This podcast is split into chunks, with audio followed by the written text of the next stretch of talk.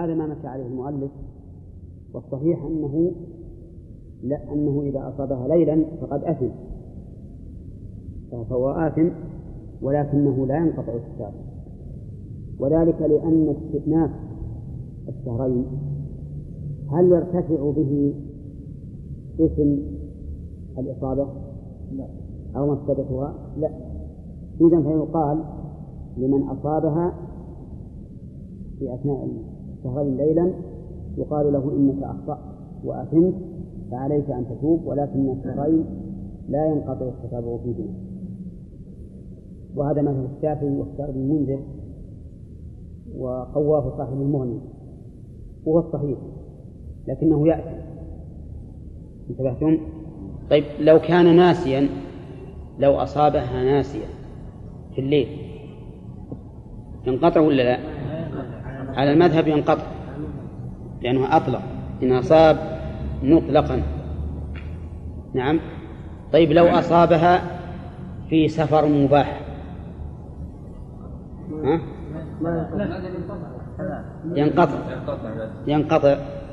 المهم إذا أصاب المظاهرة منها ولو في زمن يباح له الفطر كالليل والسفر المبيح للفطر أو ناسيا فإنه ينقطع التتابع. والصحيح أنه إذا أصابها إذا أصابها ليلا لا ينقطع لكن يأثم. وإن أصابها ناسيا لا ينقطع ولكن ولا يأثم أيضا. لا ينقطع ولا يأثم. لا لا ينقطع لأنه لم يفطر. ولا يأثم لأنه كان ناسيا. لأنه كان ناسيا. وأيام العيد برضه ينقطع. نعم. يعني إذا أصاب أبد ما يصيب المظاهر منها أبدا حتى تتم شهرين إذا أصابها حتى في الفطر الذي يجب أو في الفطر المباح فإنه ينقطع. قال هذا قال شرطا في هذه العبادة بالنسبة للصيام لا ما اشترطها الله. صيام شهرين متتابعين من قبل أي يعني معناه أنه يجب أن يكون قبل التماس. الآن لو صام الشهرين لو أعادهم من جديد هل يصير قبل التماس؟ لأنه حصل تماس له. لو فرض أنه ابتداء من جديد ما ما ما صار فائدة ماذا؟ ما يرتفع. إذا أصاب المظاهر منها في وقت لا يجب فيه الصوم.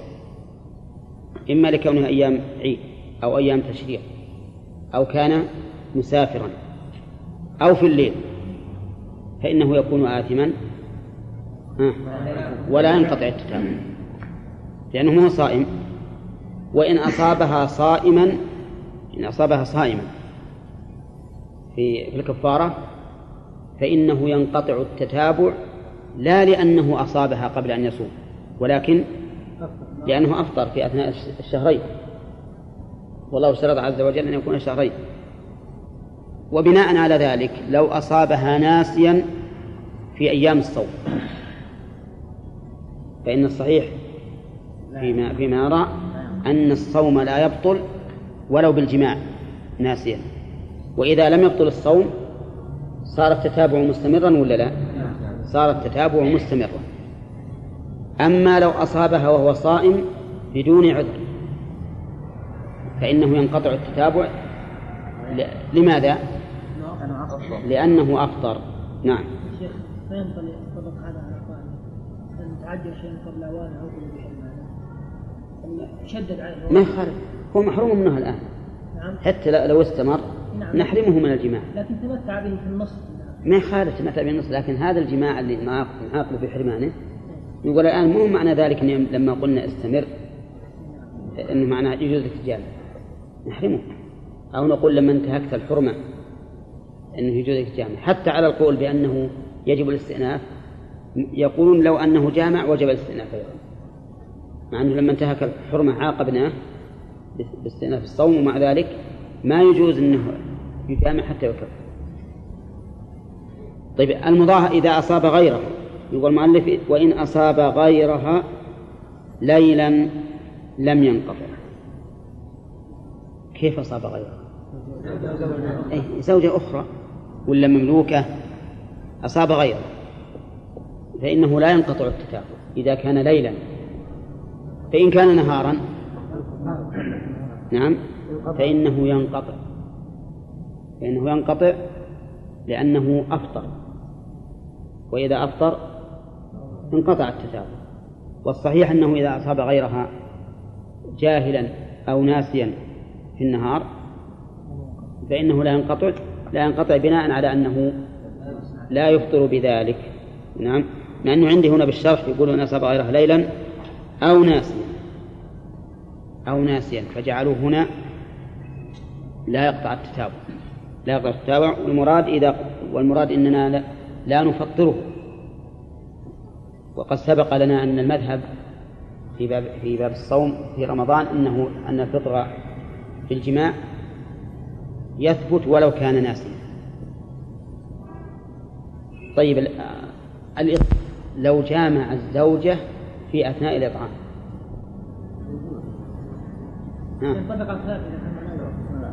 ينطبق على الخلاف ولا لا؟ نعم ها؟ لأن سبق لنا أن العلماء اختلفوا في الإطعام هل يشترط فيه؟ هل يجوز الوضع قبله ولا يجوز؟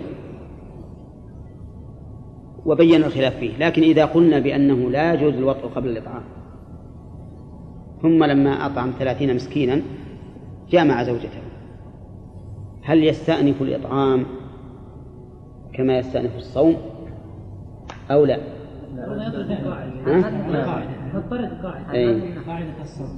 لكن المذهب أنه ما يشترط. إن يعني أنه لا ينقطع التتابع فيما إذا جامع في أثناء الإطعام. بناء على ما أشار إليه أحدهم أنه ما فيه تتابع ما يشرط فيه التتابع. ولهذا لو أطعم لو أطعمهم جميعا يجزي ولا لا؟ يجزي. نعم. من قبل إيه نعم. هم يقولون إن الاطعام ما في ما فيه ذكر وهذا مما يؤيد القول الثاني. ما فيه ذكر من قبل الناس. نعم. وفعال من المصادر المزدوجة يعني التي لا تكون إلا بين شيئين غالبا مثل القتال. قتال قاتل يقاتل قتالا. من جانبين ولا لا؟ ها؟ من جانبين. جاهد يجاهد جهادا أيضا من جانبين. اللعان أيضا من جانبين. لعان يعني حصول التلاعن بين شخصين. التلاعن بين الشخصين. فإذا طبقنا هذه اللفظة على ما على حقيقة اللعان. وجدنا أن اللعان ليس لعنا من الجانبين لكنه لعن من جانب الزوج وغضب من جانب الزوجة. إذ أن الزوج يقول في الخامسة وأن لعنة الله عليه والزوجة تقول وأن غضب الله عليه. فما هو الجواب؟ الجواب أن هذا من باب التغليب. من باب التغليب أي تغليب أحد الوصفين على الآخر. والتغليب في اللغة العربية موجود بكثرة مثل العمراني يعني أبا بكر وعمر. ومثل القمران يعني الشمس والقمر. فعلى هذا نقول اللعان مشتق من اللعن وهو بالنسبة للزوجة على سبيل التغليب. وما هو اللعن؟ اللعن في اللغة الطرد والإبعاد. الطرد والإبعاد. فإذا كان من الله فقلت يعني لعنك الله مثلا فمعناه طردك وأبعدك عن رحمته. وإذا قيل لعنت شيء الشيء فإن كان المراد دعوت عليه باللعنة فهو المعنى الأول. وإن كان لعنت يعني طردت وأبعدت عني فهذا يكون معناها الطرد والإبعاد من من اللاعن نفسه. الطرد والإبعاد من اللاعن نفسه. فإذا الطرد وال... إذا قل إذا قال قائل ما هو اللعن؟ نقول إذا وقع من الله فهو الطرد والإبعاد عن رحمته. وإذا دعا به إنسان على شخص فمعناه أنه يسأل الله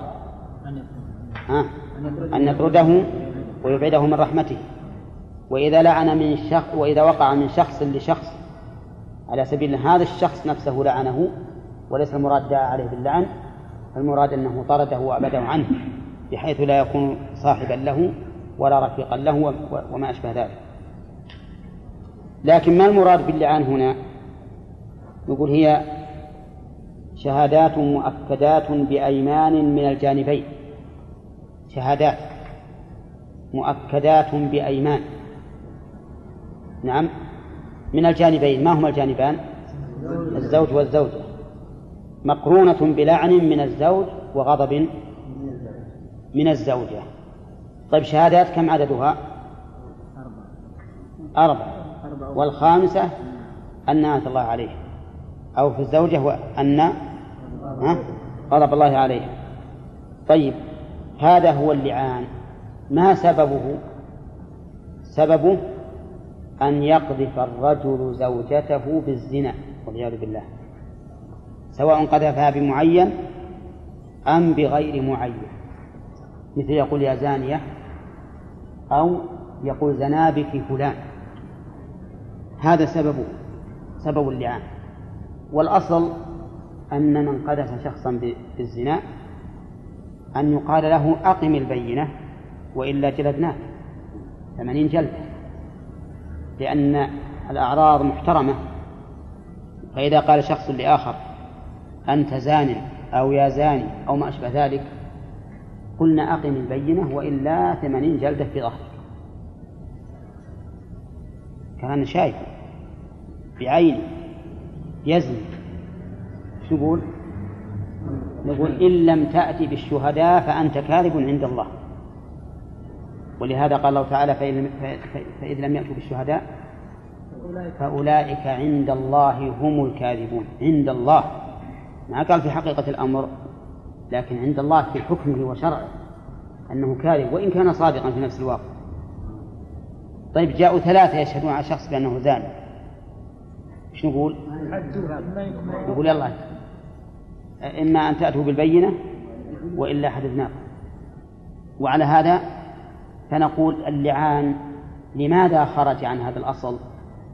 وهو أن الرجل إذا قذف زوجته قلنا لا يخلو من ثلاث حالات. إما أن تقر هي أو يقيم أربعة شهود أو يلاعن أو يلاعن. اللي غيره مش نقول؟ اللي غير الزوج نقول إما أن يقر المقذوف وإما أن تأتي بأربعة شهود أما الزوج فنزيد فيزاد على ذلك أن يقال أو تلاعن أو تلاعن.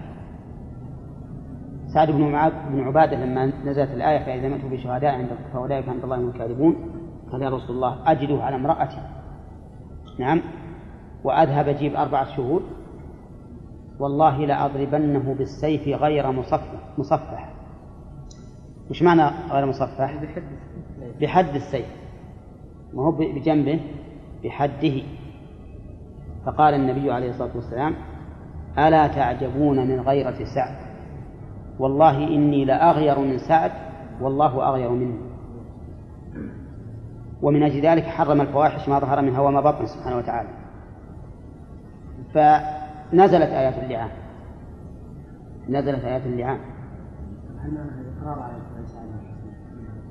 هذه مسألة نشوف. فنزلت آيات.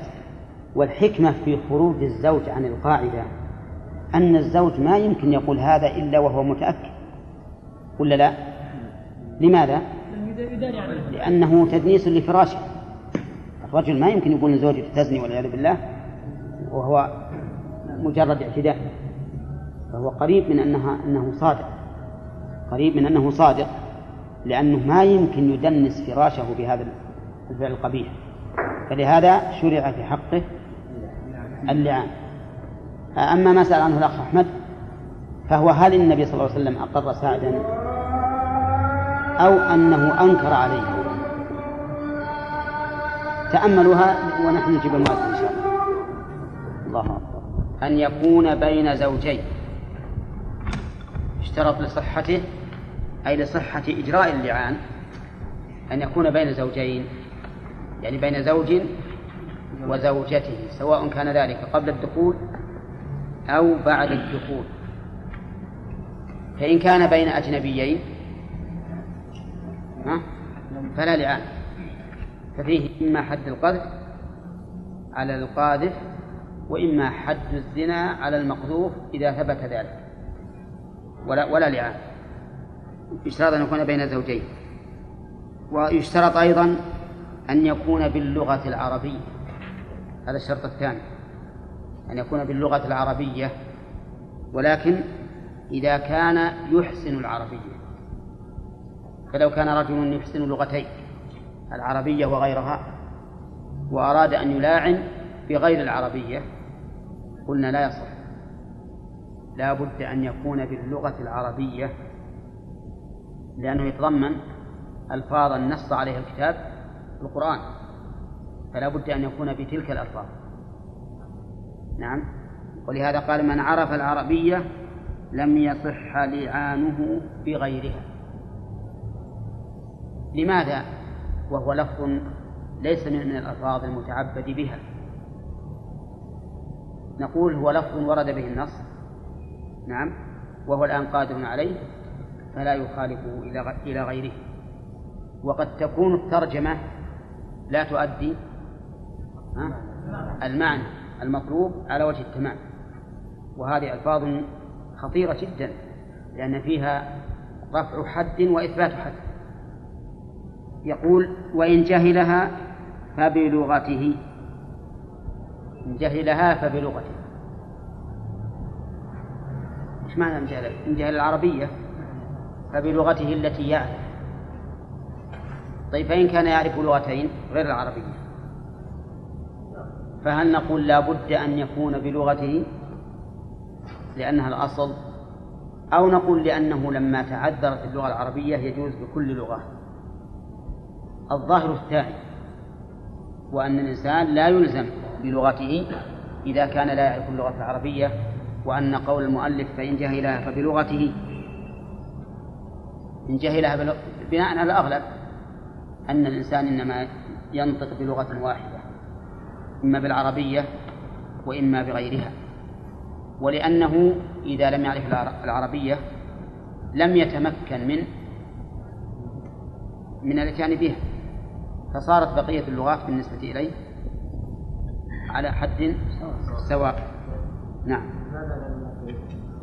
ما يلزم. يلزم ولهذا يقول إن جاهل في لغته ولا ولا يلزم. عندكم ولم يلزم تعلمها؟ طيب. الشرط الثالث من شروط اللعان أن يقذف زوجته بالزنا.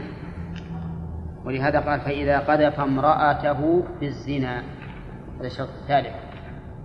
أن يكون القذف بصريح الزنا بأن يقول زنت أو زنيت أو ما أشبه ذلك. فإن قال أتيت شبهة أو قبلك فلان أو استمتع بك في غير الوقت فهل يثبت اللعان أو لا؟ لا يثبت لأن هذه لا يثبت بها حد القذف فلا يثبت بها اللعان. فلا يثبت بها اللعان. هذا الشرط الثالث. يقول قذفها بالزنا. فإذا قذف امرأته بالزنا فله إسقاط الحد باللعان. في شروط تأتي إن شاء الله. هذه ثلاث شروط. هذه ثلاث شروط وتأتي بقية الشروط. إذا حصل هذا الأمر وقذف الرجل امرأته بالزنا فلا يخلو إما أن تصدقه أو تكذبه. فإن صدقته ها فعليها حد الزنا. إن كانت بكرا تجلد مئة جلدة وتغرب عام عاما وإن كانت ثيبا فإنها ترجع هذا إذا صدقته. نعم؟ يعقد عليها ولا دخل عليها. ها؟ يعقد عليها ولم يدخل عليها. ما يمكن هذا؟ إيه؟ طيب. لا مو شرط طيب هذه هذه إذا صدقت. إذا كذبته. إذا كذبته فإما أن يكون له بينة أو لا. فإن كان له بينة فلا حد عليه. فلا حد عليه. لقوله تعالى والذين يرمون المحصنات ثم لم يأتوا بأربعة شهداء. فاجلدوهم ثمانين جلدة. فعلم من قوله ثم لم يأتوا بأربعة شهداء أنهم لو أتوا بأربعة شهداء لا لم يجلدوا. فإذا أتى الزوج بأربعة شهود يشهدون على ما قال نعم فإنه يقام الحد على المرأة ولا يجب عليه هو شيء. هذه الحالين كذا يا سلمان ها؟ وش؟ فلم إذا إذا لم يأتي ببينة وجب عليه حد القذف. وجب عليه حد القذف. ولهذا قال النبي عليه الصلاة والسلام البينة أو حد في ظهره. لابد يجيب بينة وإلا يجلد ثمانين جلدة إن كانت الزوجة محصنة. إن كانت محصنة. ولهذا قول المؤلف فله إسقاط الحد فيه تسامح. والصواب أن يقال فله إسقاط الحد أو التعزير. لأنها إن كانت محصنة فعليه حد القذف وإن كانت غير محصنة فعليه التعزير. يعذر بما دون الحد. يعذر بما دون الحد. طيب فلو إسقاط الحد باللعان. نعم. الإحصان هنا أن تكون حرة وأن تكون عفيفة عن الزنا وأن تكون عاقلة نعم. أو ليست عفيفة ما هي عفيفة؟ إذا إذا إذا لا إذا زنت ما هي عفيفة إلا إذا ظهرت توبتها المهم العفيفة يعني اللي معروف عفتها عن الزنا. هنا. نعم. طيب. يقول فله اسقاط الحد باللعان. باللعان الباء هنا يحتمل أن تكون للسببية أي بسبب اللعان وأن تكون للتعدية يعني يسقطه بكذا. واللعان كما سبق تعريفه هي الشهادات المؤكدات بأيمان المقرونة بلعنة أو غضب. ما هو الدليل على ثبوت هذا الحكم الثالث؟ لأن الحكمين السابقين ثابتان للزوج ولغيره. ما هما الحكمان السابقان؟ إقرار المرأة أو البينة أو حد القذف إذا لم يكن بينة ولا إقرار. لكن في في الزوج أمر رابع وهو اللعان. الدليل قوله تعالى والذين يرمون المحصنات والذين يرمون أزواجهم ولم يكن لهم شهداء إلا أنفسهم. فشهادة أحدهم أربع شهادات بالله والذين يرمون أزواجهم ولم يكن لهم شهادة شهداء إلا أنفسهم فشهادة أحدهم أربع شهادات بالله. نعم. أربع شهادات بالله الحكمة فيها واضحة أنها أربع مرات. لأنها مقابل أربعة شهود فتكون أربع شهادات. وقوله بالله أفادت الآية الكريمة أن هذه الشهادة مقرونة بقسم لأنه يقول أشهد بالله كأنما قال أشهد مقسما بالله.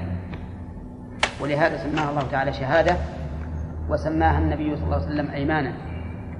بقوله لولا لولا الأيمان لكان لي ولها شأن. لولا أيمان لكان لي ولها شان وعلى هذا فنقول هذه الشهادة شهادة متضمنة. قسم شهادة أحدهم أربع شهادة بالله إلى آخره. وقوله ولم يكن لهم شهداء إلا أنفسهم. وش نعرف أنفسهم؟ ها؟ بدل. منين؟ بدل من شهداء. لماذا؟ لا غير هذا. ها؟ لا منفي لا. تام منفي طيب وين خبر؟ خبر يكن ها؟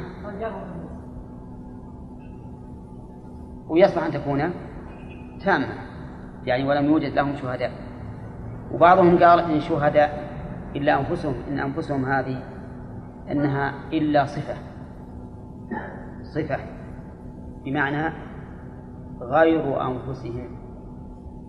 كقوله تعالى لو كان فيهما آلهة إلا الله أي غير الله لفسدها. وقالوا إن إلا تأتي بمعنى غير لكن ينقل إعرابها إلى ما بعدها. فهنا تكون أنفسهم صفة لشهداء.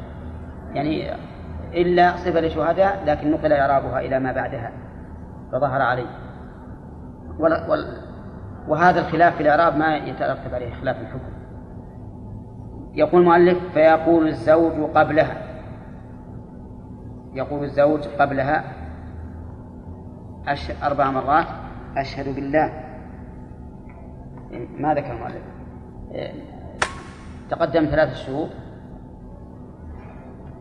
أن يكون بين زوجين وأن يكون باللغة العربية للقادر وأن يقذفها بالزنا.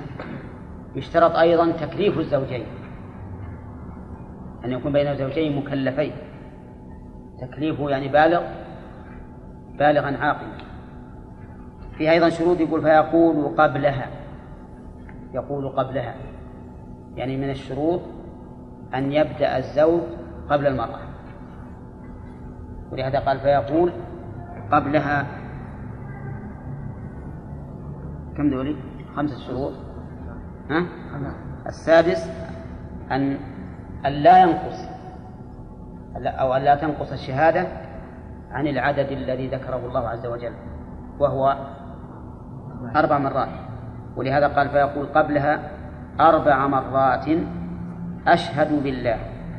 لقد زنت زوجتي هذه ويشير إليها إن كانت حاضرة ومع غيبتها يسميها وينسبها. شوف أشهد بالله لقد. اللام هذه في جواب القسم.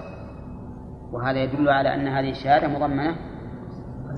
معنى قسم يقول أشهد بالله لقد زنت زوجتي هذه إن كانت حاضرة. إن كانت حاضرة يقول زوجتي فلانة بنت فلان وينسبها بما تتميز به. ولكن ليس معنى كلامه أن الحضور حضور الزوجة وعدم حضورها على حد سواء بل تحضر. لا بد أن تحضر حتى يكون اللعان بينها وبين زوجها متواليا. متواليا لأن الصورة التي وقعت في عهد النبي عليه الصلاة والسلام على هذه الصفة. نعم. نعم. الدعاء على البلوغ لأن الشهادة ما تقبل من غير المكلف الشهادة ما تقبل من غير المكلف ولا تعتبر. ها؟ الدعاء على ذلك إن, إن الصبيان ما عندهم الضبط والثقة والأمانة. لا بس إذا كان نعم. نعم. لأن ما ما ما ينتظر حتى يبلغ ونشوف. ونجري اللعن بينهم. فيقول قبلها أربع مرات أشهد بالله لقد زنت زوجتي هذه ويشير إليها ومع غيبتها يسميها وينسبها ويقول في الخامسة وأن لعنة الله عليه إن كان من الكاذبين. إذا لا بد من خمس. أشهد بالله أربع خمس مرات. وفي الخامسة يضيف إليها ها؟ أن لعنة الله عليه ولكن الضمير هنا ضمير غيبة. إلا أن الزوج يجعله ضمير متكلم. ضمير متكلم يعني يقول لعنة الله علي. ما يقول عليه. نعم لكن هذا من باب التأدب في اللفظ. أن يعبر بضمير الغيبة. لئلا يضيف الإنسان المتكلم اللعنة. إلى نفسه. وقول أن لعنة الله عليه إن كان من الكاذبين. إن كان من الكاذبين شرط فهذا الدعاء على نفسه باللعنة علقه بشرط أن يكون من الكاذبين.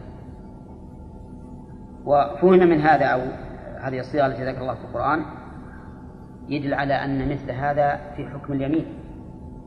يعني لو قال الإنسان مثلا يبي يأكد شيء قال لعنة الله عليه إن كان كاذبا في خبر من الأخبار يعتبر هذا في حكم اليمين لأن الله سماه شهادات والخامسة. والنبي عليه الصلاة والسلام سماه أيمانا. وتقول هي ثم تقول هي.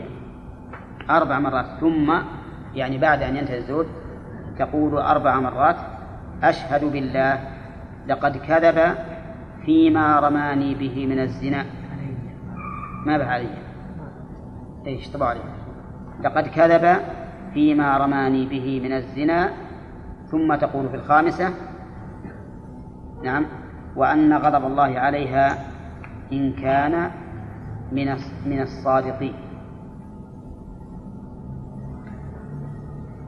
طيب شوف كلام المؤلف الزوج يقول لابد أشهد بالله لقد زنت لو قال أشهد بالله أن زوجتي هذه زانية نعم. يصح. على المذهب لا يصح. وقال بعض أهل العلم أنه يصح لأن الله ما ذكر ذلك في القرآن. فشهادة أحدهم أربع شهادة بالله إنه ها لمن الصادقين.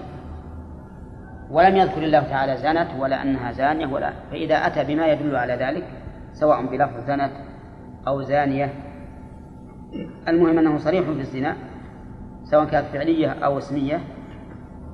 فإنه يصح. وهذا هو الصحيح. كذلك أيضا قولها هي أشهد بالله لقد كذب فيما رماني به من الزنا. ليس في القرآن ما يدل على ذلك. لو قالت أشهد بالله إنه لمن الكاذبين. فقط. يصح ولا ما يصح؟ يصح على قول الراجح. أما المذهب لا بد أن تصرح بأنه كاذب فيما رماها به من الزنا. قالوا إنما اشترطنا ذلك لئلا تؤول. فتقول أشهد بالله أنه كاذب يعني في شيء آخر غير هذه المسألة. فلا بد أن تقول فيما رماني به من الزنا لئلا تتأول. ولكن يجاب عن ذلك فيقال إن التأويل في مقام الخصومة لا ينفع لأن الرسول عليه الصلاة والسلام يقول يمينك على ما يصدقك به صاحبك فلا عبرة بالتأويل. وبناء على ذلك لو اقتصرت على اللفظ الوارد في الآية أشهد بالله إنه لمن الكاذبين. نعم لكفى. وهذا الذي اختاره ابن القيم رحمه الله. لأن مدى ما في القرآن؟ ليش نلزمهم ونقول إذا لم يكن هكذا لازم, لازم من إعادة اللعان؟ أو إذا لم يكن هذا لا يترتب عليه حكم اللعان لأن هذه كلام المؤلف إذا اختل شرط فإن اللعان لا يمكن أن يجرى بينهما ولا يثبت له حكم. نعم. وقوله أشهد بالله إنه والخامسة أن غضب الله عليها. ثم تقول في الخامسة وأن غضب الله عليها إن كان من الصادقين. غضب أيهما أشد؟ الغضب ولا؟ ها؟ الغضب أشد. وإنما ألزمت بما هو أشد لأن زوجها أقرب إلى الصدق منها. صح ولا لا؟ هذا واحد. وألزمت بالغضب أيضا لأنها عالمة في حقيقة الأمر. الزوجة عالمة في حقيقة الأمر. أنها زانية مثلا. فإذا أنكرت ما تعلم استحقت الغضب. لأن إنكار الحق مع علمه موجب للغضب. ولهذا كان كان اليهود مغضوبا عليهم لأنهم علموا الحق وجحدوه. هذه هذه هذه لما كان ذنبها مشبها لذنب اليهود صار في حقها الغضب دون اللعنة. أما هو فكان في حقه اللعنة لأنه بفعله هذا يوجب أو تهمته هذه توجب إبعاد الناس عن هذه المرأة وتركهم إياها ولعنهم لها فكان من المناسب أن يكون له اللعن. وفي هذا دليل على الحكمة العظيمة في هذه الشريعة. نعم. الغضب أشد. لأن الغضب لعن مع مع مع غضب. يعني طرد مع غضب. فهو أشد. يتبع ما جاء به الشر. يقال إن, إن, إن إنها هي إذا دفعت عن نفسها ولم يثبت بينة. القرينة ما تثبت هذا. إذا لم يثبت ببينة أنها زنت فإنه يجرى الدعاء على ما هو عليه. ما لها أثر في الأحكام الشرعية أبدا. نعم. ما يلزم من القلب الغضب؟ نعم. ما يلزم من القلب الغضب؟ لا. ما يلزم من الغضب لأنه قد يطرد بدون أن يغضب الله عليه. فالغضب أشد. نعم. الآن افرض أنك مثلا طردت أحد أولادك. لكنك ما نهرته أو حمرت عليه عين كما يقولون عند طرده نعم أو أو أغلظت له القول. لكن إذا طرد و... و... ومع غضب وشدة عليه صار أشد. لا. طيب إذا لا بد من في, في صيغة اللعان لا بد أن تكون على هذه الصيغة التي ذكر المؤلف. وأن يبدأ الزوج بها نعم قبل الزوج وأن يختص كل منهما باللفظ المخصص له. الزوج باللعن والزوجة بالغضب. وهل آه، هل هذا الأمر وقع في عهد الرسول صلى الله عليه وسلم؟ وقع في عهد النبي عليه الصلاة والسلام. وقع في هلال ابن أمية. قذف زوجته بشريك بن سحماء وجاء إلى النبي عليه الصلاة والسلام يشكو إليه وقال له البينة أو حد في ظهرك فأنزل الله تعالى الآيات. أنزل الله الآيات في هذا وأجرى النبي صلى الله عليه وسلم بينهما اللعان وقعت بعد بعد ذلك قصة أخرى. مع عويمر العجلاني وزوجته فأجرى النبي صلى الله عليه وسلم بينهما اللعان. ووصف النبي صلى الله عليه وسلم الولد الذي حملت به المرأة بأنه إن جاء على الوصف كذا فهو لهلال وإن جاءت به على الوصف الفلاني فهو لشريك وأتت به على النعت المكروه. فقال النبي عليه الصلاة والسلام لولا ما مضى من كتاب الله لكان لي ولها شأن. فالحاصل أن هذا الأمر قد يرد نسأل الله العافية. قد يقع في أي عصر من العصور. يعني ليس أمرا غريبا ولكن الشأن كله في أن الزوج هل يجب عليه إذا اتهم زوجته أن يلاعن أو لا يجب؟ أو يجب عليه الفراق؟ أو ماذا يفعل؟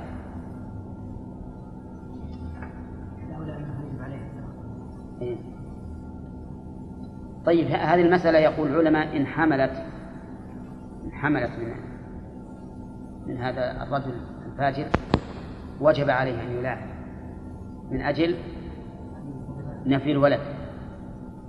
وإن لم تحمل فإنه لا يجب عليه اللعان وله أن يستر عليها ثم إن كان قادرا على حفظها وحمايتها فليبقها عنده وإلا فليطلقها. لئلا يكون ديوثا يقر أهله في الفاحشة. نعم.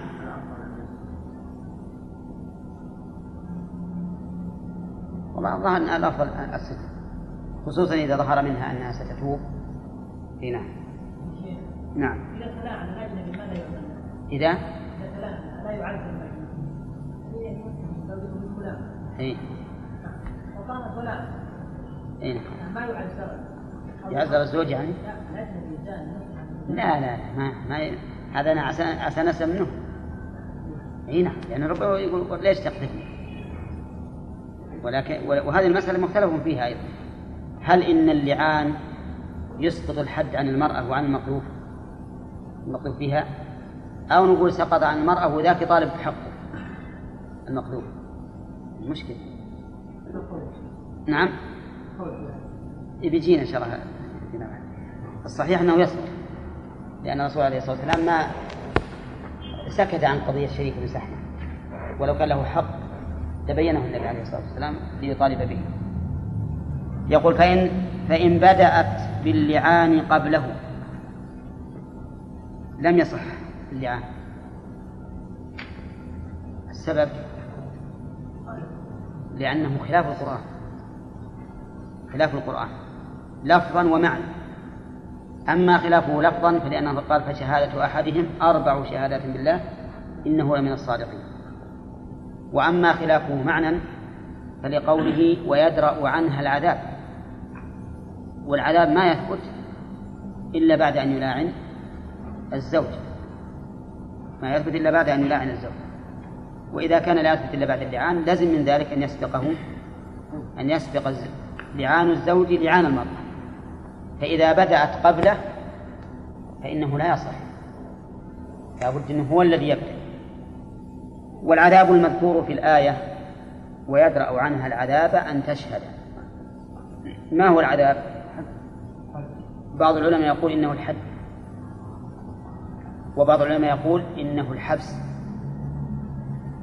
وأنها إذا شهد عليها الزوج ولم تقر فإنها تحبس حتى تلاعن أو تقر والصواب خلاف ذلك. الصواب أن العذاب المذكور في الآية هو الحد لأن شهادة الرجل أو لعان الرجل يعتبر كإقامة البين ولهذا قال شهادة أحدهم أربع شهادات بالله إن بدأت إن بدأت قبله لم يصح أو نقص أحدهما شيئا من الألفاظ الخمسة لم يصح. كأننا نسينا الشروط. الشروط؟ نعم. هذه ستة شروط. طيب نشوف. ها؟ ستة شروط. كيف؟ لا تنقص عن العدد إذا داخل فيه أو داخل في الصيغة لا ما يخالف. نجيبها توضيح. لا تنقص. لا تنقص عن أربعة. نشوف الآن. هن أكثر من تسعة. عشرة أو إحدى عشر. طيب ما, ما وصلنا إلى الآن. يقول أو نقص أحدهما شيئا من الألفاظ الخمسة. ها؟ هذا نجعله في الشرط ولا داخل في أن يكون بالصيغة المعروفة؟ داخل. طيب أحسن. الثاني قال أو لم يحضرهما حاكم أو نائبه. أو لم يحضرهما حاكم أو نائبه. هذا سبعة. يعني إذا لابد من حضور الحاكم أو نائبه. الحاكم يعني القاضي أو نائبه من ينيبه في ذلك. نعم. وذلك لأن الرسول صلى الله عليه وسلم لما أخبره هلال بما جرى من امرأته أمره أن يحضرها. أمره أن يحضرها فتلاعنا بحضرة النبي صلى الله عليه وسلم. ولأن هذا كالشهادة كالشهادة في الأحكام. والشهادة ما ما تقبل إلا بحضور. الشهود عند الحاكم أو نائبه. فلو تلاعن الزوج وزوجته وزوجته تلاعنا عند حضرة من الناس. قال والله ما إحنا رايحين للقاضي ما إحنا رايحين للمحكمة. نحب إننا نتلاعن بحضور جماعة مثلا من أهل الزوج ومن أهل الزوجة وفعلوا ذلك. ينفع ولا لا؟ ما ينفع. لا بد من حضور الحاكم أو نائبه. الحاكم القاضي السلطان إيه، من باب أولى. لأن الحاكم الشرعي نائب عن الحاكم. العام كذلك أيضا يقول أو أبدل لفظة أشهد بأقسم ها؟ أو أبدل أحدهما. لفظة أشهد بأقسم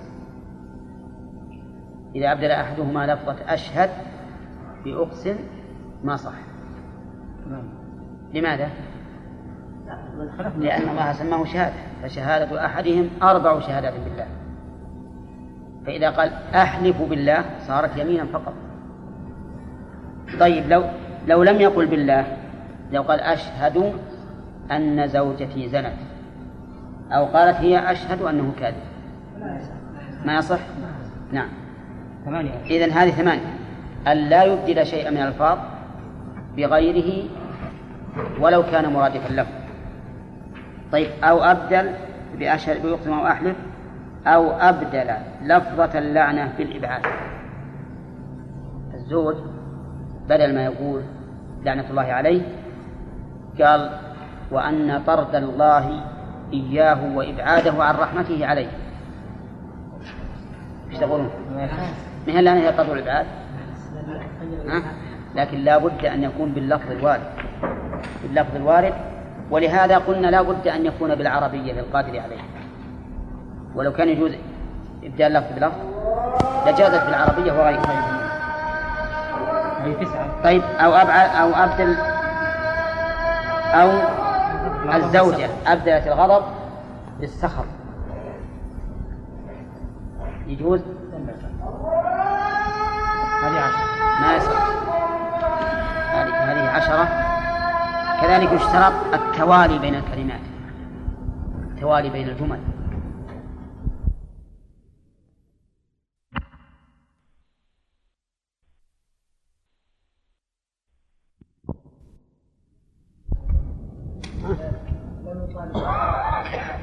رحمه الله تعالى وإن قذف زوجته الصغيرة أو المجنونة عزر ولا لعان.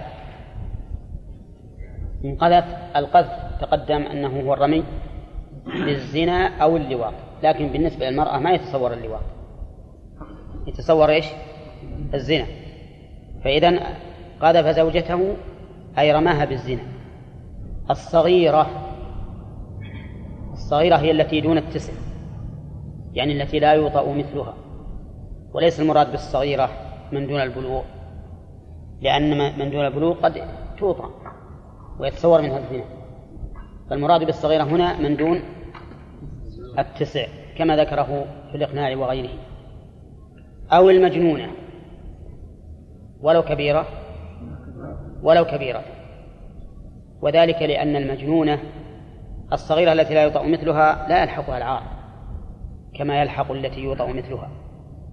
والمجنونة كذلك لا يلحقها العار كما يلحق العاقلة فلهذا لا يجب عليه حد القذف. يقول المؤلف عزر ولا لعان. والتعزير في اللغة يطلق على عدة معاني منها النصرة كما في قوله تعالى لتؤمنوا بالله ورسوله وتعزروه. ومنها التأديب وهو المراد هنا.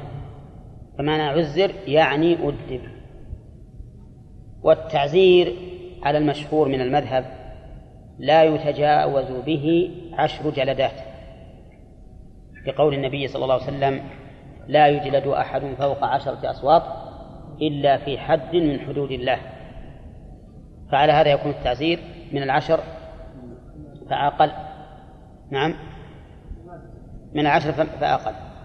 والصحيح أن التعزير كما يدل عليه اسمه ما يحصل به التأديب سواء كان عشر جلدات أو خمس عشر جلدة أو عشرين جلدة أو أكثر. إلا أن التعزير إذا كان في مكان له حد فإنه لا يبلغ به الحد. فالتعزير على على قذف الصغيرة والمجنونة لا يمكن أن يصل إلى ثمانين جلدة. لماذا؟ ها؟ لأن حد القذف في الكبيرة العاقلة المحصنة ثمانون. فلا يمكن أن يبلغ التعزير إلى غاية الحد. وهذا القول هو, هو الراجح. أن التعزير ما يحصل به التأديب. ولو زاد على عشر جلدات. إلا إلا أنه إذا كان جنسه فيه حد فإنه لا يبلغ به الحد لئلا نلحق ما دون ما دون الذي يوجب الحد بالذي يوجب الحد. وقول المؤلف ولا لعان ولا لعان يعني لا تلاعن بين الزوج والزوجة فيما إذا كانت صغيرة دون التسع أو كانت مجنونة لأنه لا يصح اللعان منها. وإذا وقد سبق أنه يشترط في اللعان أن يكون الزوجان مكلفين بالغين عاقلين. فإن قذف صغيرة فوق التسع يعني بلغت تسعا فأكثر لكن لم تبلغ فإنهم يقولون رحمهم الله يرجأ الأمر إلى أن تبلغ ثم تطالب بحقها. فإما أن تقر أو أو تنكر ويقيم عليها البينة أو يلاعن. ولعانها في هذه الحال لا يصح لعدم التكليف. وإهدار حقها من اللعان وهي يمكن أن توطى ويثنى بها أيضا لا يمكن. فقالوا إذا قذف من دون البلوغ وقد بلغت تسعا فإنه يوقف الأمر إلى ها حتى تبلغ وتقاد ثم قال ومن شرطه من شرط إيش؟ من شرط اللعان. وكلمة من للتبعير فيدل على أن هناك شروطا أخر وهو كذلك. من شرط اللعان قذفها أي الزوجة. فهنا مصدر مضاف إلى مفعوله. وما هو الفاعل؟ الزوج. الزوج. يعني قذف الزوج إياه هذا الأصل. قذفها بالزنا لفظا كزنيت أو يا زانية أو رأيتك تزنين في قبل أو دبر. نعم. لا بد أن يصرح بالنطق بقذفها بالزنا. مثل أن يقول زنيت أو رأيتك تزنين أو يا زانية أو ما أشبه ذلك من ألفاظ القذف. لا بد من هذا. فإن أشار إشارة دون أن يتلفظ. فإنه لا, لا لعان. لأنه يقول من شرط قذفها بالزنا لفظا لابد أن يلفظ به. فيقول المؤلف فإن قال وطئت بشبهة فهذا ليس بقتل وطئت بشبهة ما هو قتل لأن هذا لا يلحقها به عار وهذا يمكن أن توطى بشبهة؟ نعم يمكن أن توطى بشبهة بأن تكون في محل رجل فيطأها يظنها زوجته أو قال مكرهة أو أو مكرهة. يعني وطئت مكرهة. فليس هذا بقذف لأنه لا يلحقها العار. وإذا لم يكن ذلك قذفا فإنه لا لعان بينهما. ولا حد عليه في هذه الحال. أو وطئت نائمة. وطئت نائمة. أيضا هذا ليس بقذف لأن النائم لا يلحقه إثم ولا لوم. وفعل النائم لا ينسب إليه. والدليل قوله تعالى في أصحاب الكهف ونقلبهم ذات اليمين وذات الشمال. هم يتقلبون لكن نسب الفعل إلى الله لأنهم لا يحسون به. وليس وهم ليسوا مكلفين في هذه الحال. وكذلك ما أشرتم إليه من الحديث رفع القلم عن ثلاثة هو منهم النائم حتى يستيقظ. ها؟ لا ما يلحق العار كذلك إذا إذا قال لم تزني لم تزني ولكن ليس هذا الولد مني وقال ما ما زنت ولا أتهمها بالزنا لكن هذا ليس منه. نعم يمكن أن تطلب بشبهة. يمكن أن تكون وطأت بشبهة. لكن هو تحرز تحرز بقوله لم تزني وتحرز أن يقول إنها وطئت بشبهة. لأنه ما يدري هل وطئت بشبهة. أو زنت لكنه ما أراد أن يرميها بالزنا ولا أن يثبت أنها وطئت بشبهة وقال ولكن قال لم ليس هذا الولد مني فإنه لا لعان بينهما ويكون الولد لمن؟ يكون الولد له يكون الولد له حكما ولا يمكن أن ينتفي منه لا يمكن أن ينتفي منه طيب فإن تيقن أنه ليس منه قال لا ليس هذا الولد مني لأني أنا غايب عنها ومستبرئها. تيقن أنه مو مني. نقول هو منك غصب. ليش؟ قال لا لا لابد إذا أراد أن ينتفي منه ماذا يقول؟ يقول لازم يقذفها بالزنا ثم يلاعن هذا المذهب. لا بد أن يقذفها بالزنا ثم يلاعن. لكن هذا القول ضعيف جدا. ضعيف حتى أكثر الأصحاب لا يختارونه. والصواب أنه يصح أن يلاعن لنفي الولد. فيقول لم تزني ولا أتهمه بالزنا لكن هذا الولد ليس منه تلاعن عليه؟ قال نعم ألاعن على هذا. ألاعن على أن الولد ليس منه أفهمتم الآن؟ هذا القول هو الراجح بل المتعين. لأن مثل هذه المسألة قد يبتلى بها الإنسان. وإلحاقنا إياه إلحاقنا الولد بهذا الرجل وهو يقول ليس مني معناه سينسب إليه. ومعنى ذلك أن أن أبناءه يكونون إخوة ويجري التوارث بينه وبينه وبين إخوته وبين أولاده وبين هذا الرجل. والمسألة يتفرع عليها أحكام كثيرة. وهذا الرجل متيقن أنه ليس منه. كيف نقول لا بد أن تقول الزور ثم تلاعن وش هو الزور؟ ها؟ يقضي بالزنا ولا ما أنا ما أنا بالزنا ولا أتم... ولا أستطيع أني أهفي ذمتي وألطخ عرضها. ولكن هذا الولد ليس منه. ولهذا هذا القول من تصوره وتصور نتائجه عرف أنه قول ضعيف جدا بل باطل. وأن الصواب وقد الذي اختاره أكثر الأصحاب ومنهم شيخ الإسلام ابن تيمية وابن القيم وجماعة من المحققين أنه يجوز اللعان لنفي الولد وهو الذي تشهد العقول بصحته. ولكن ها هنا مسألتان.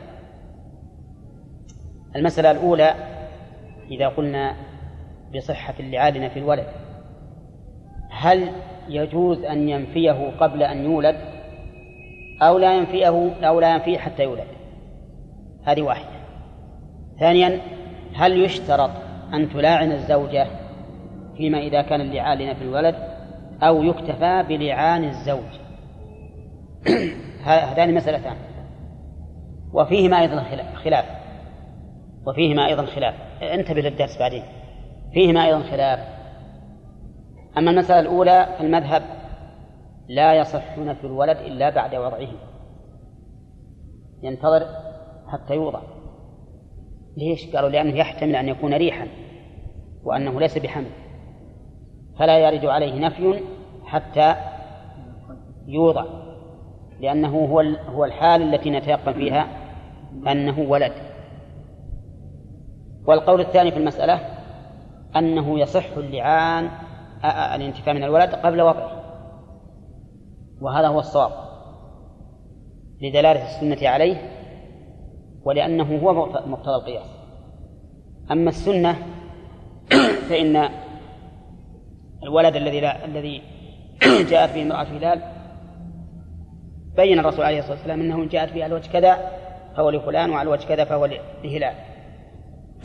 فدل هذا على أنه يمكن أن ينفى قبل الوضع. يمكن أن ينفى قبل الوضع. وعلى هذا فنقول إن الصواب جواز انتفاء الانتفاء منه قبل الوضع. وإذا قدرنا أنه ليس بولد فماذا يضيرنا؟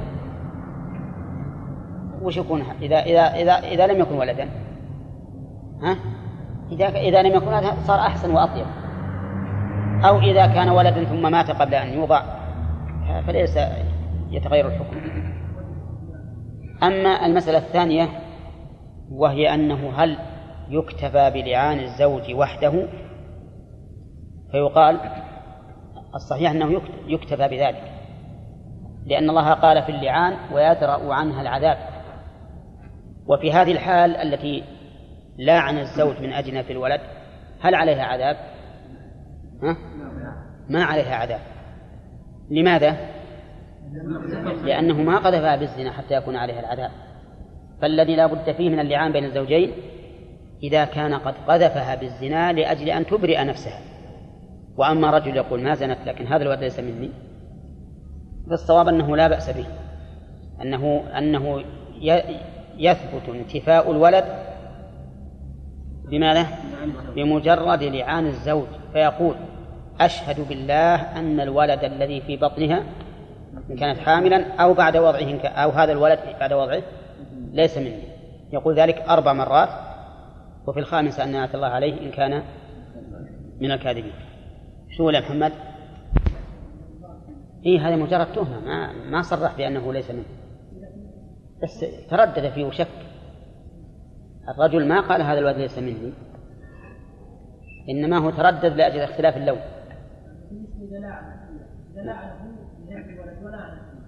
ما تلاعن جعل جعل استلحاق الهلال للولد قبل أن يوضع.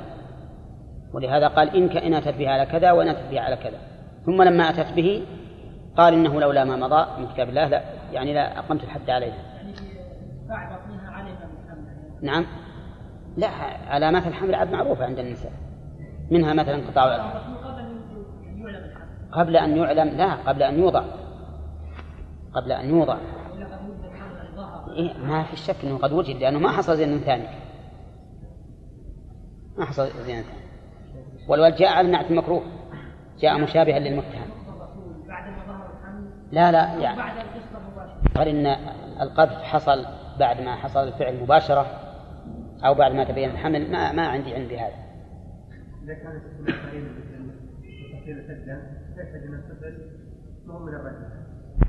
انه ما هو لازم تتفق. ولهذا أحيانا يحتاج إلى دم لهذا الشخص الذي نزف دمه يبحثون في عائلته كلهم ما يجد له مشابه. يحتاجون يأخذون من دم آخر. لا ما هو على كل حال. ابدا ما هو على كل حال. ثم هذه قرينة. ما هي ما هي بينة؟ قرينة وليست بينة.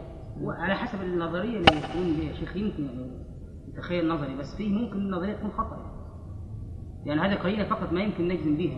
قرينة قرينة. لا ولا ولا يجزم بها لأن أنا أسمع. يعني ثبت عندي أنه أحيانا يكون الرجل محتاج إلى دم يجدون كل اللي حوله ما ما يجدون له ما يجد له مثيل.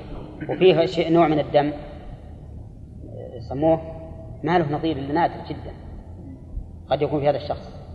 قد يكون كل فصائل قبيلته ما من هذا النوع. نعم. قد توطى بشبهة سلمك الله. يمكن توطى بشبهة يجي واحد مثلا غصب أو مكره أو نائمة. ما كل هذا فيها الآن ها؟ إذا طيب مثلا تركها نفساء فالولد له وإن نفاه فيجب فينتفي. لكن العلماء قالوا في مثل هذه الحال يجب أن يلاعن في الولد. لأنه يقين ليس منه. ولا يحل له أن يلحق بنسبه من ليس منه نعم أقول الآن في وسائل يعني الآن يتعين أي يعني في وسائل الآن لتوقيف الصناعة إي نعم يتعين القول بأن بصحة الانتفاع بدون رميها بالزنا إيه ما في شك هذا حتى ما لو لو لم يكن في وسائل يعني واضح. طيب ندعي أنه تحمل المني هنا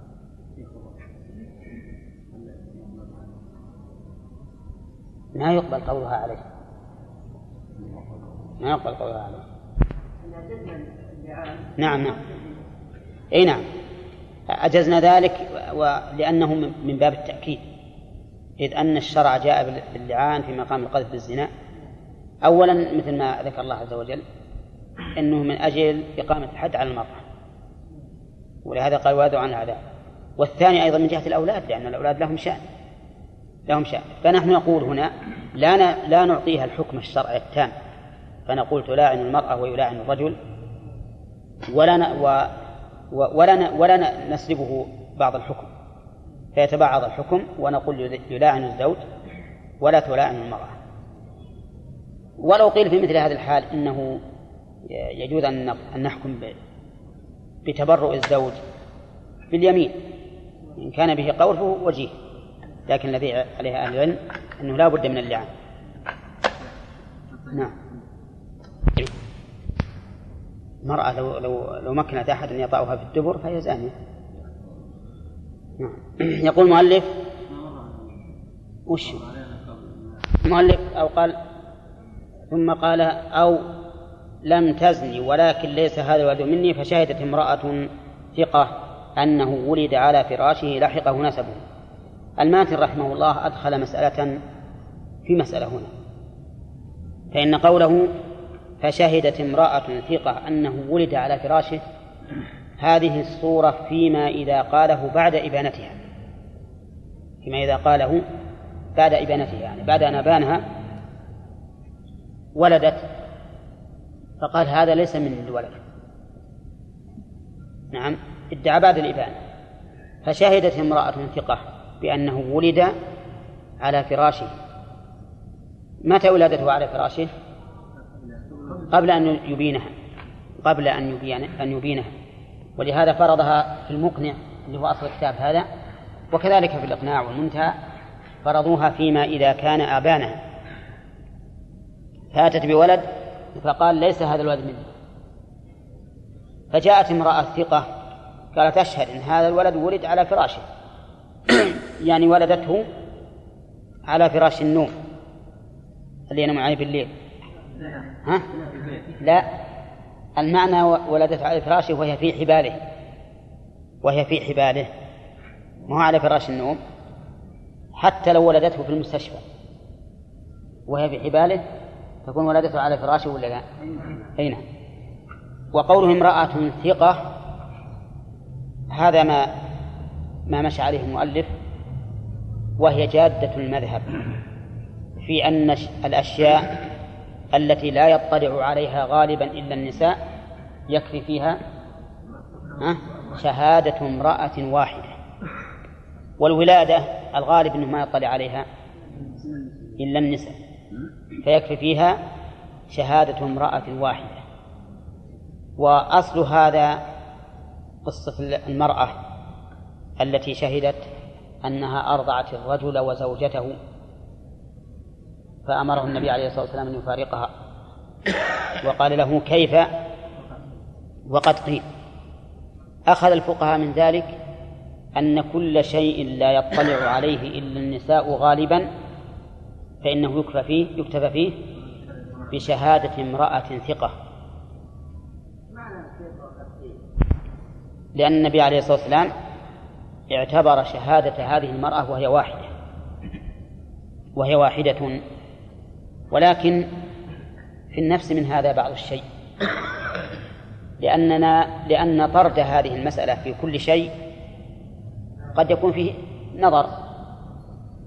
فنقول ما ورد به الشرع في الاكتفاء بامرأة واحدة كالرضاع يكتفى فيه بامرأة واحدة. ولأن غير الرضاع لا يقاس عليه إذ أن الرضاع يعني يحتاط فيه أكثر بخلاف غيره من الأمور. وإذا كانت الأمور التي لا يطلع عليها إلا الرجال لا بد فيها من ها؟ من شاهدين رجلين أو رجل وامرأتين. فكيف بغيره؟ فكيف بالأمور التي لا يطلع عليها إلا النساء؟ ولهذا القول الثاني في هذه المسألة أنه لا يقبل إلا شهادة امرأتين. أنه ولد على فراشه. فإذا شهدوا أنه ولد على فراشه لحقه نسبه. و و ولو كان قد قال إن هذا الولد ليس مني. وذلك لأن المذهب لا لعان على نفي الولد حتى يقذفها بالزنا. فإذا قذفها ثبت اللعان. الله أعلم. ذبه الزوجة. من شرط اللعان إجراء اللعان أن تكذبه الزوجة أي تقول إنه كاذب. فلو أقرت بأنها بما رماها به أقرت فإنه لا لعان.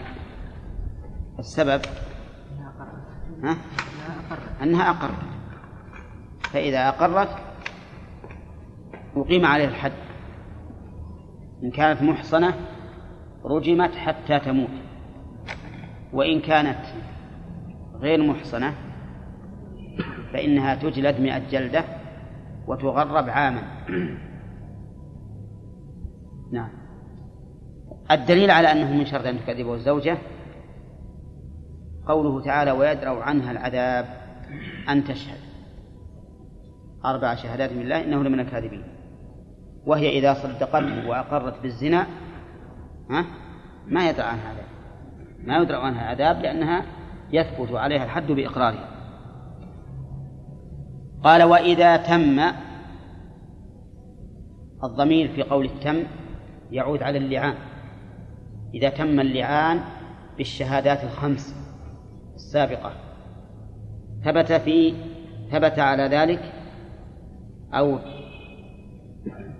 تفرع عنه عدة أمور. أولا سقط عنه الحد والتعزير. عندكم الحد والتعزير كذا؟ نعم. سقط عن الزوج الحد والتعزير والواو هنا بمعنى أو يعني أو التعزير. فالحد إن كانت الزوجة محصنة والتعزير إن كانت غير محصنة. فإذا كانت الزوجة بالغة عاقلة عفيفة بالغة إذا كانت الزوجة عاقلة عفيفة فإنه يثبت عليه حد القذف. لقوله تعالى والذين يرمون المحصنات ثم لم أتوا بأربعة شهداء فاجلدوهم ثمانية جلدة. فإذا كانت حرة عاقلة عفيفة فإنه إذا قذفها يثبت عليه الحد ثمانون جلدة. وإن لم تكن محصنة وجب عليه إيش؟ تعزير بأن يعزره الإمام بما يردعه عن هذا العمل. حتى لو كان زوجها. ها؟ لو كان زوجها. نعم. هذا واحد. يسقط عن الحد. ثانيا وثبتت الفرقة بينهما. هذا الأمر الثاني مما يترتب على اللعان أن الفرقة تثبت بينهما فيفرق بينهما. وقول المؤلف ثبتت الفرقة ظاهره أنها لا تحتاج إلى تفريق الحاكم. يعني ما يحتاج أن الحاكم يقول فرقت بينكما بل بمجرد اللعان تثبت الفرقة بين الزوج والزوجة وهو كذلك. قال الثالث بتحريم مؤبد. هذا الأمر الرابع الثالث ما يترتب عليه. اللعان. أنها تحرم عليه تحريما مؤبدا. لا تحل له أبدا. لا بعد زوج ولا بدون زوج. نعم.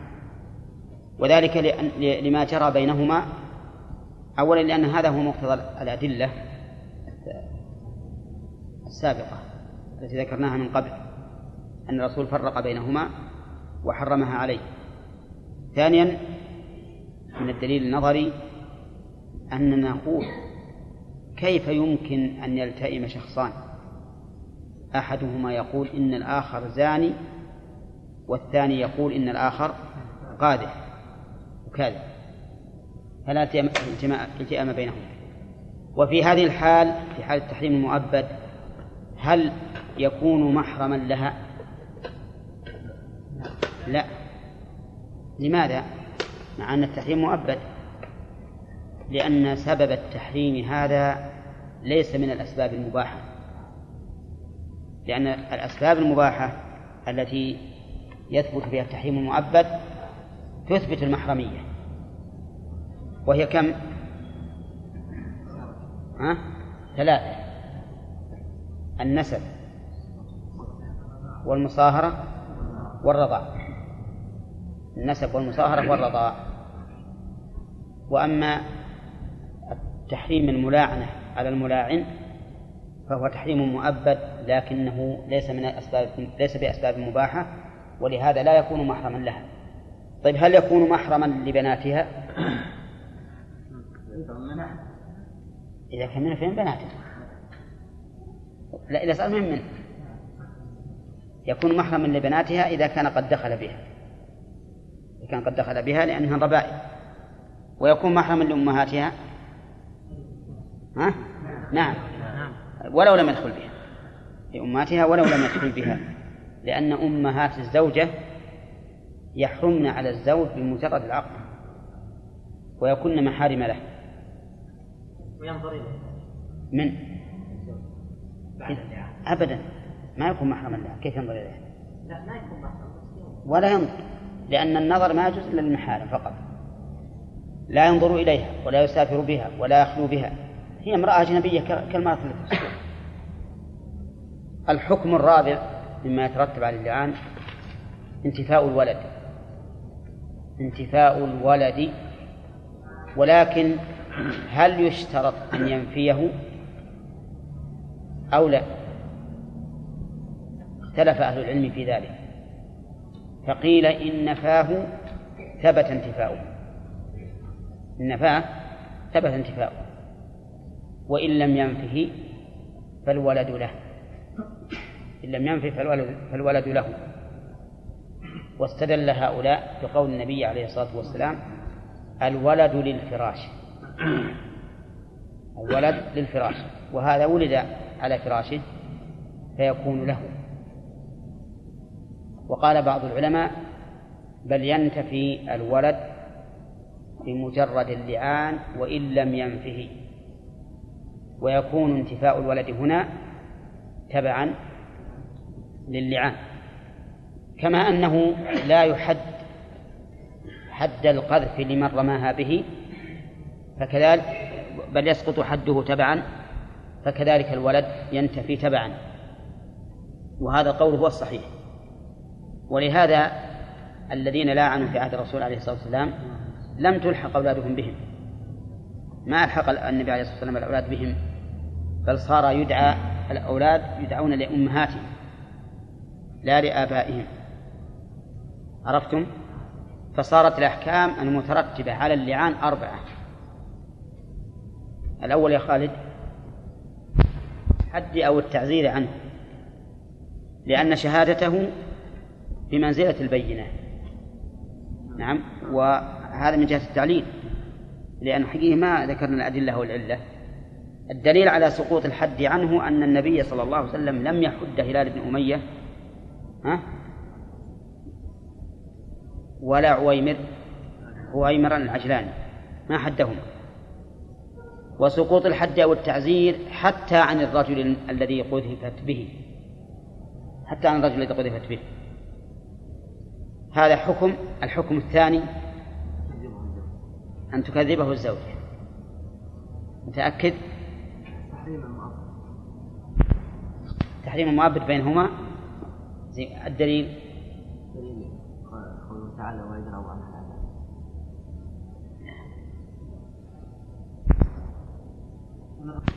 أي نعم. طيب. و والتعليل؟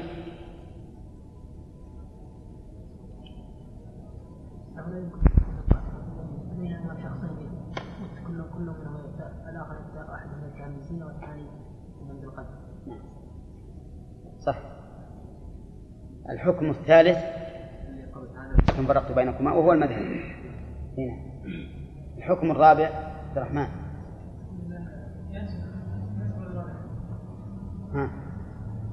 يعني أن ينسب الولد إلى أبيه. نعم. صح؟ كيف يا عبد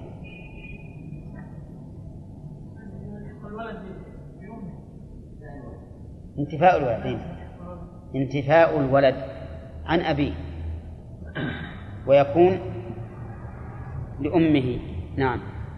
طيب في هذه الحال إذا ألحق بأمه فقط. فكيف ترثه أمه؟ هل ترثه ميراث أم أو ميراث أم وأب ويكون لها الفرض والباقي تعصيبا أو يكون لها الفرض والباقي لأقرب عصبتها؟ في خلاف بين العلماء. فمن العلماء من يقول إنها ترثه ميراث أم. ميراث أم. والباقي إذا لم يكن له عصبة الولد هذا الباقي ها؟ يكون لعصبتها هي. لعصبتها هي. أقربهم إليها عصبا يكون له له. وانتبه لأني قلت إذا لم يكن له عصبة.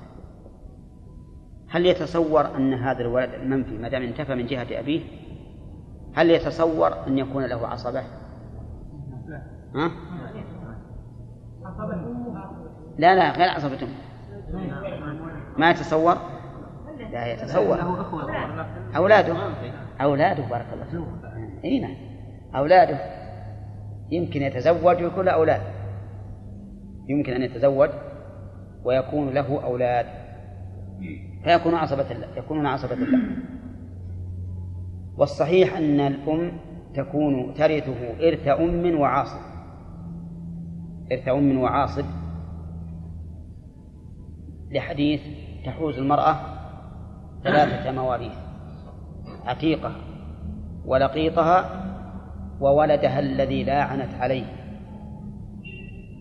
وهذا الحديث وإن كان فيه ضعف. لكن يؤيده المعنى لأن عصبتها لا يدلون إلا بها. فكيف يكون المدلي أقوى من المدلى به؟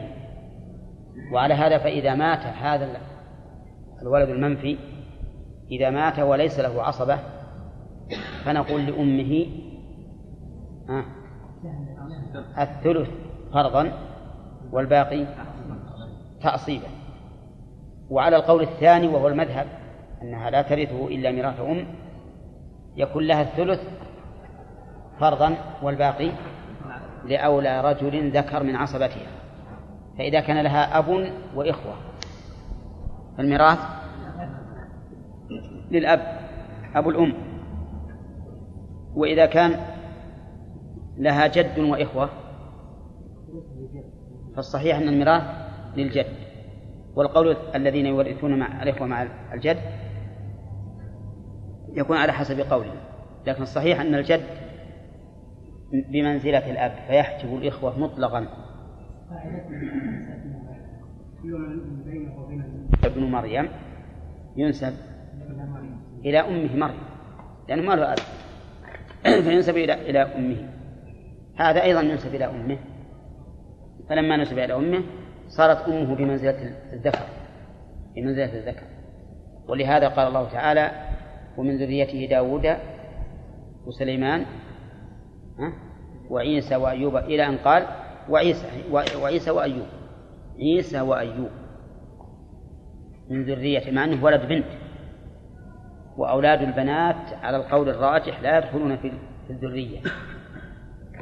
لكن إنما دخل عيسى في ذرية إبراهيم ها؟ لعدم وجود أب له. فهو ابن مريم. نعم. والأم صارت ثم قال فصل فيما يلحق من النسب. وهذا الفصل من أهم الفصول في هذا الباب. وذلك أن الأصل فيما ولد على فراش الإنسان الأصل أنه ولده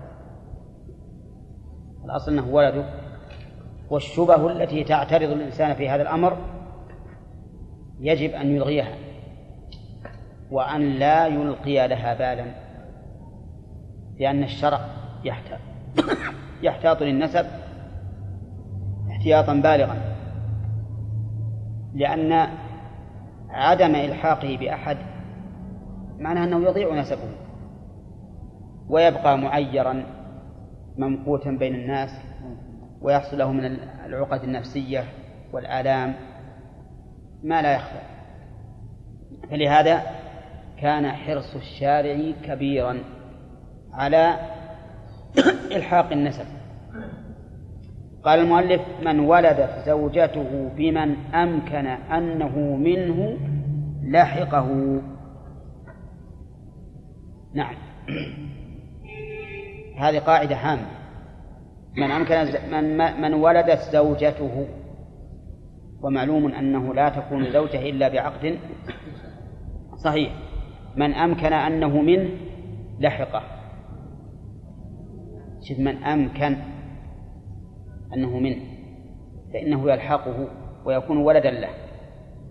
والدليل لذلك قول النبي صلى الله عليه وسلم الولد للفراش وللعاهر الحجر.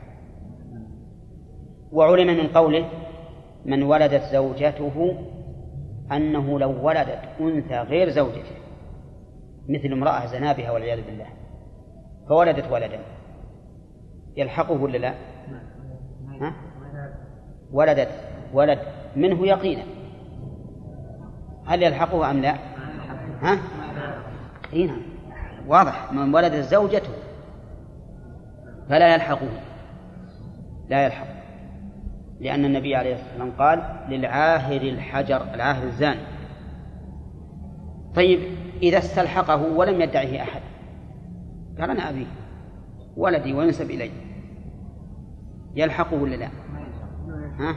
لا يلحقه لعموم قول النبي صلى الله عليه وسلم وللعاهر الحجر وللعاهر الحجر الحجر تعرف الحجر الحصاة أين نعم. يعني معناها ما له شيء إذا ادعى خذ حصاة وحطها بفمه إذن حتى لو قال الزاني أنا أبي الولد هذا انسبوه إلي ما ينتسب إليه. حتى لو تزوج المزني بها فيما بعد كما يجري عند بعض الناس إذا زنى بامرأة وحملت منه قالوا نبي نستر عليه. نخليه نخليه يتزوجه ويستلحق الولد. وتكون زوجته ويكون الولد ولده. ويكون في هذا ستر على الجميع. فك مشاكل. نعم. لا تعير الأم ولا ولا يعير الولد. نعم. المهم أن كلام المؤلف واضح. إنه ما يمكن أن يلحق به إلا إذا كان من زوجته. من زوجته. أما إذا كان من امرأة أجنبية فإنه لا يلحق به ولو استلحقه. واختار شيخ الإسلام ابن تيمية رحمه الله أنه إذا استلحقه ولم يدعه أحد فإنه يلحق به. إذا استلحقه ولم يدعه أحد فإنه يلحق به حفظا لنسب هذا الطفل لئلا يضيع نسبه ولئلا يعير. وش ذنبه مسكين فإذا استلحقه الزاني وقال أنا أريده لحقه. وإذا كان الإنسان في باب الإقرار بمشارك بالميراث كما مر علينا إذا أقر بأن هذا وارثه أو أنه ابنه ولو ما ولو ما علم إنسان مجهول قال هذا ابني فإنه سبق لنا أنه يلحق به. كل ذلك حفظا للأنساب. فهذا الرجل الذي ادعى أن الذي استلحق هذا الولد بدون أن يدعيه أحد يكون له وهو مذهب إسحاق بن راهوية. واختاره بعض السلف أيضا ذهب إليه بعض السلف. أن الزاني إذا استلحق الولد الذي خلق من مائه فإنه يلحقه. قالوا وقول الرسول صلى الله عليه وسلم الولد للفراش وللعاهل الحجر جملة واحدة. جملتان متلازمتان. الولد للفراش والعاهل الحجر فيما إذا كان عندنا فراش وعاهل فراش وعاهل فلو زنى رجل بمزوجة وقال الولد لي نقول لا. ويدل لذلك سبب الحديث.